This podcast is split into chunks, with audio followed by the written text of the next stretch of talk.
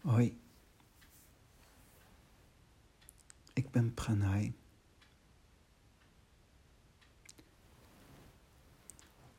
En ik ga het hebben over hoofdstuk 74 van Lao Tse. En ik maak gebruik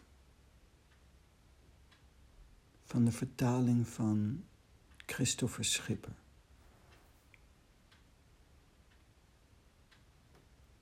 Hoofdstuk 74 staat: Mocht het volk absoluut de dood niet vrezen, hoe het dan nog angst in te boezemen met de doodstraf?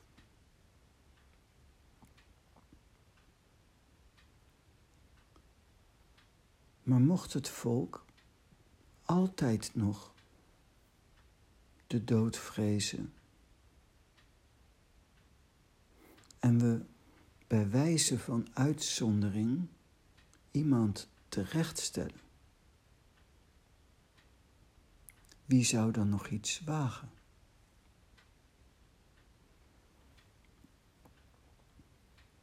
Dus, indien het volk noodzakelijkerwijs altijd de dood moet blijven vrezen. Dan zal er ook altijd een beul moeten zijn. Welnu, doden in plaats van dat de beul dat doet, dat is als zelf houtkloven in plaats van een meesterhouthakker. In dat geval zijn er maar weinigen die niet hun handen verwonden.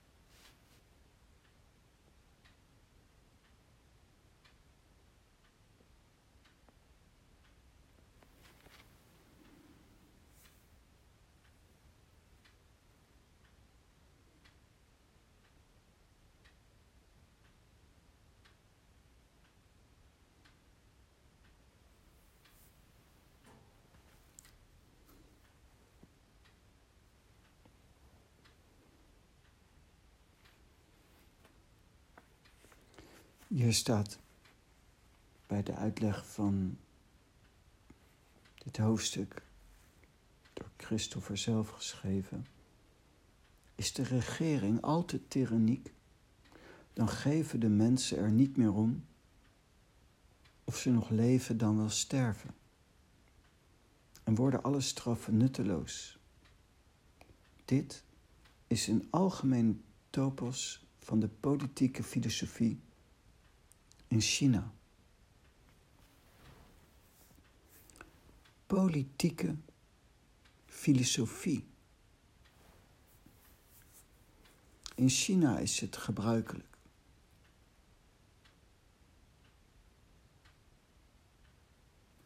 In de taal ook om zich te bemoeien met de politiek en alles.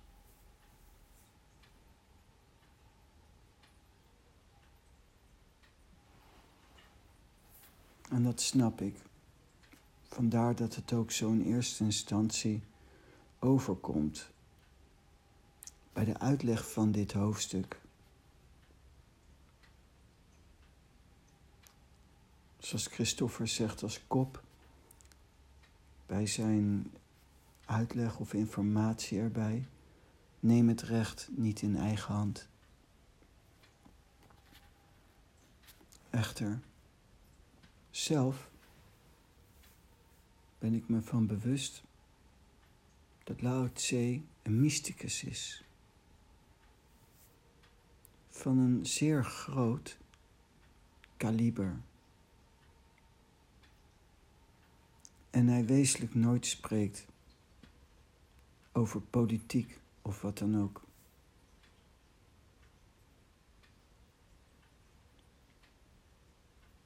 Hij spreekt over de kunst van het innerlijk land verkennen.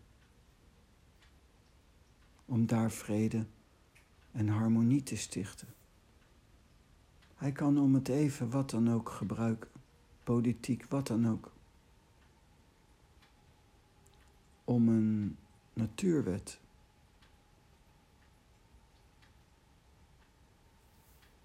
te laten zien. Maar als je hem echt wil begrijpen, moet je beseffen dat hij altijd spreekt voor de taal, voor de ene. Altijd.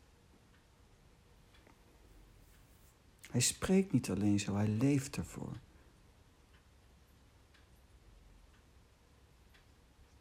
Hij denkt daarvan uit. Hij voelt daarvan uit. Hij handelt daarvan uit. Alles voor God. Alles voor de ene. Alles voor de taal.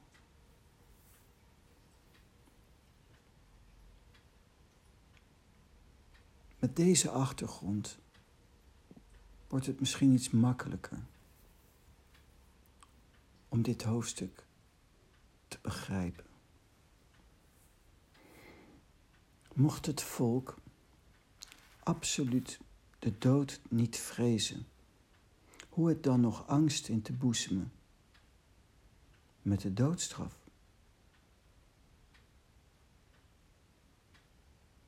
Maar dan vraag ik mezelf af: de dood niet vrezen en dan angst inboezemen met de doodstraf? Wat is je motivatie? Ik denk aan volwassen zijn. Waarom zou je de dood moeten vrezen? Hoezo angst inboezemen? Dat Lao Tse daar ook zo over denkt, komt later. Eerst zegt hij, maar mocht het volk altijd nog de dood vrezen en we bij wijze van uitzondering iemand terechtstellen, wie zou dan nog iets wagen?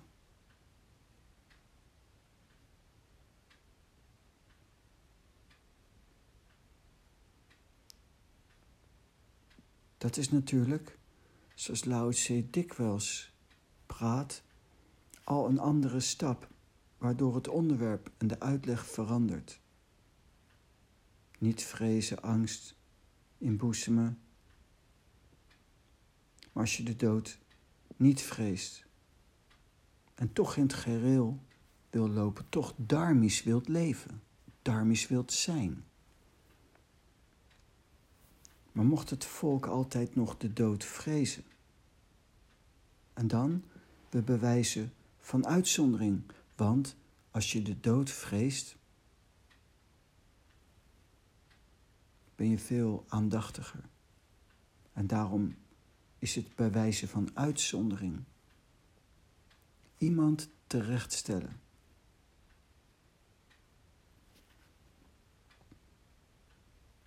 Dus je moet ontzag hebben voor de Dharma. Ik denk ook dat daar alle ellende begint. Als ontzag voor de Dharma, voor de taal weg is. Als je niet meer met je hart bent bij die hier en nu.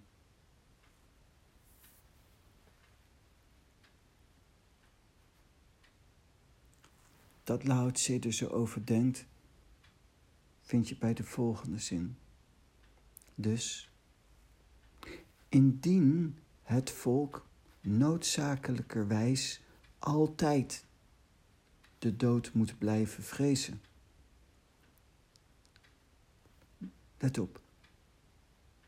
Indien het volk noodzakelijkerwijs. Als het volk noodzakelijkerwijs altijd de dood moet blijven vrezen. Met andere woorden, er is ook een andere weg, een andere mogelijkheid. Maar als het zo is dat het volk indien noodzakelijkerwijs altijd, dan zal er ook altijd een beul moeten zijn. Dan wel.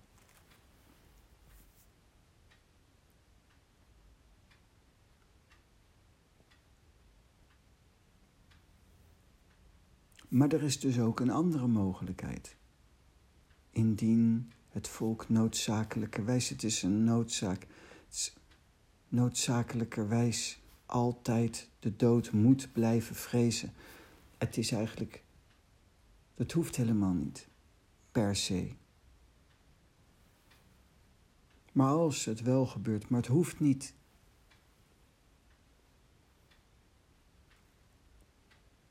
Het gaat verder dan niet het recht in eigen hand nemen. Wel nu, doden in plaats van dat de beul dat doet, dat is als zelf houtkloven in plaats van een meesterhouthakker. In dat geval zijn er maar weinigen die niet hun handen verwonden. Strijd, de beul, doodstraf, angst.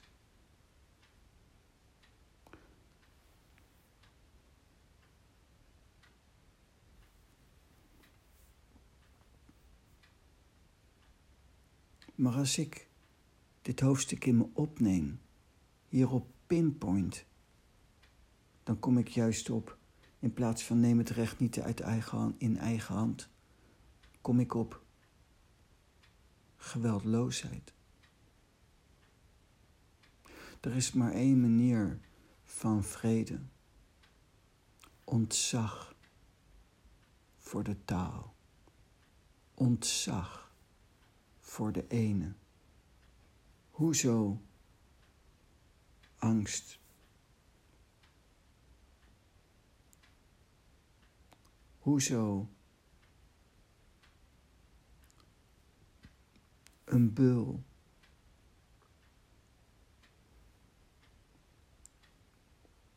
Hoezo leven en dood? Wanneer leef je en wanneer ga je dood? Veel mensen zullen zeggen: Als je in je lichaam rondhuppelt, ben je levend. En als je lichaam dood is, dan huppel je niet meer rond in je lichaam. Dan gaat je ziel uit je lichaam en gaat je aarde terug tot stof. En dat is dood. Dat is dan dat.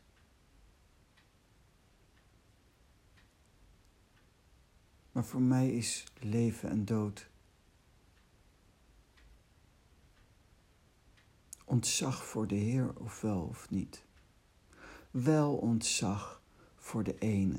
En leven, in mijn geval in prana, is leven. Verstoken zijn van prana. Verstoken zijn van ontzag voor de Heer. Voor de ene is dood. Dat is niet per se gekoppeld aan lichaam. Dat is gekoppeld aan ontzag en leven met God, met pranen.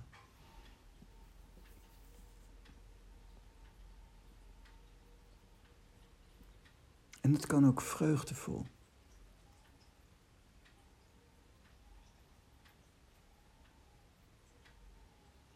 moment dat je wilt met de ene zijn, dat je ontzag hebt voor de schepping, dat je ontzag hebt voor het bestaan, dat je ontzag hebt voor jezelf, respect voor jezelf, voor anderen, voor de natuur, voor de taal van de hemel, zowel ook de godin van het dal. Dan hoeft er niet per se een beul te zijn. Dan hoef je niet angst ingeboezemd te worden. Dan hoef je de dood niet te vrezen. Als je echt in nauw verwantschap met de ene leeft, ben je niet bang voor de dood.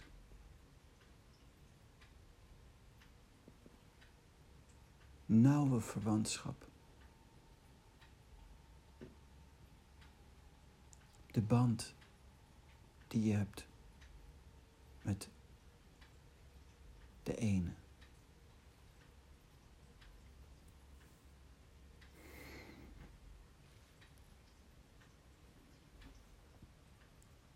In dat geval zijn er maar weinigen die hun handen verwonden.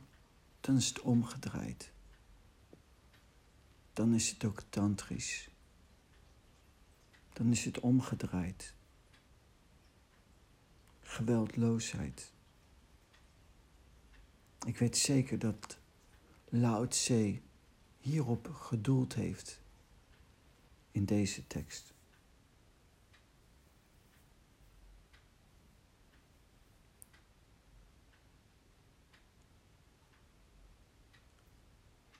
Vrede en harmonie. Door ontzag voor de Allerhoogste, de taal.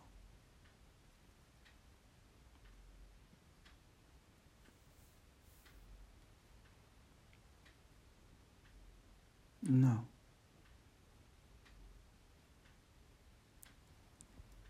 Dat.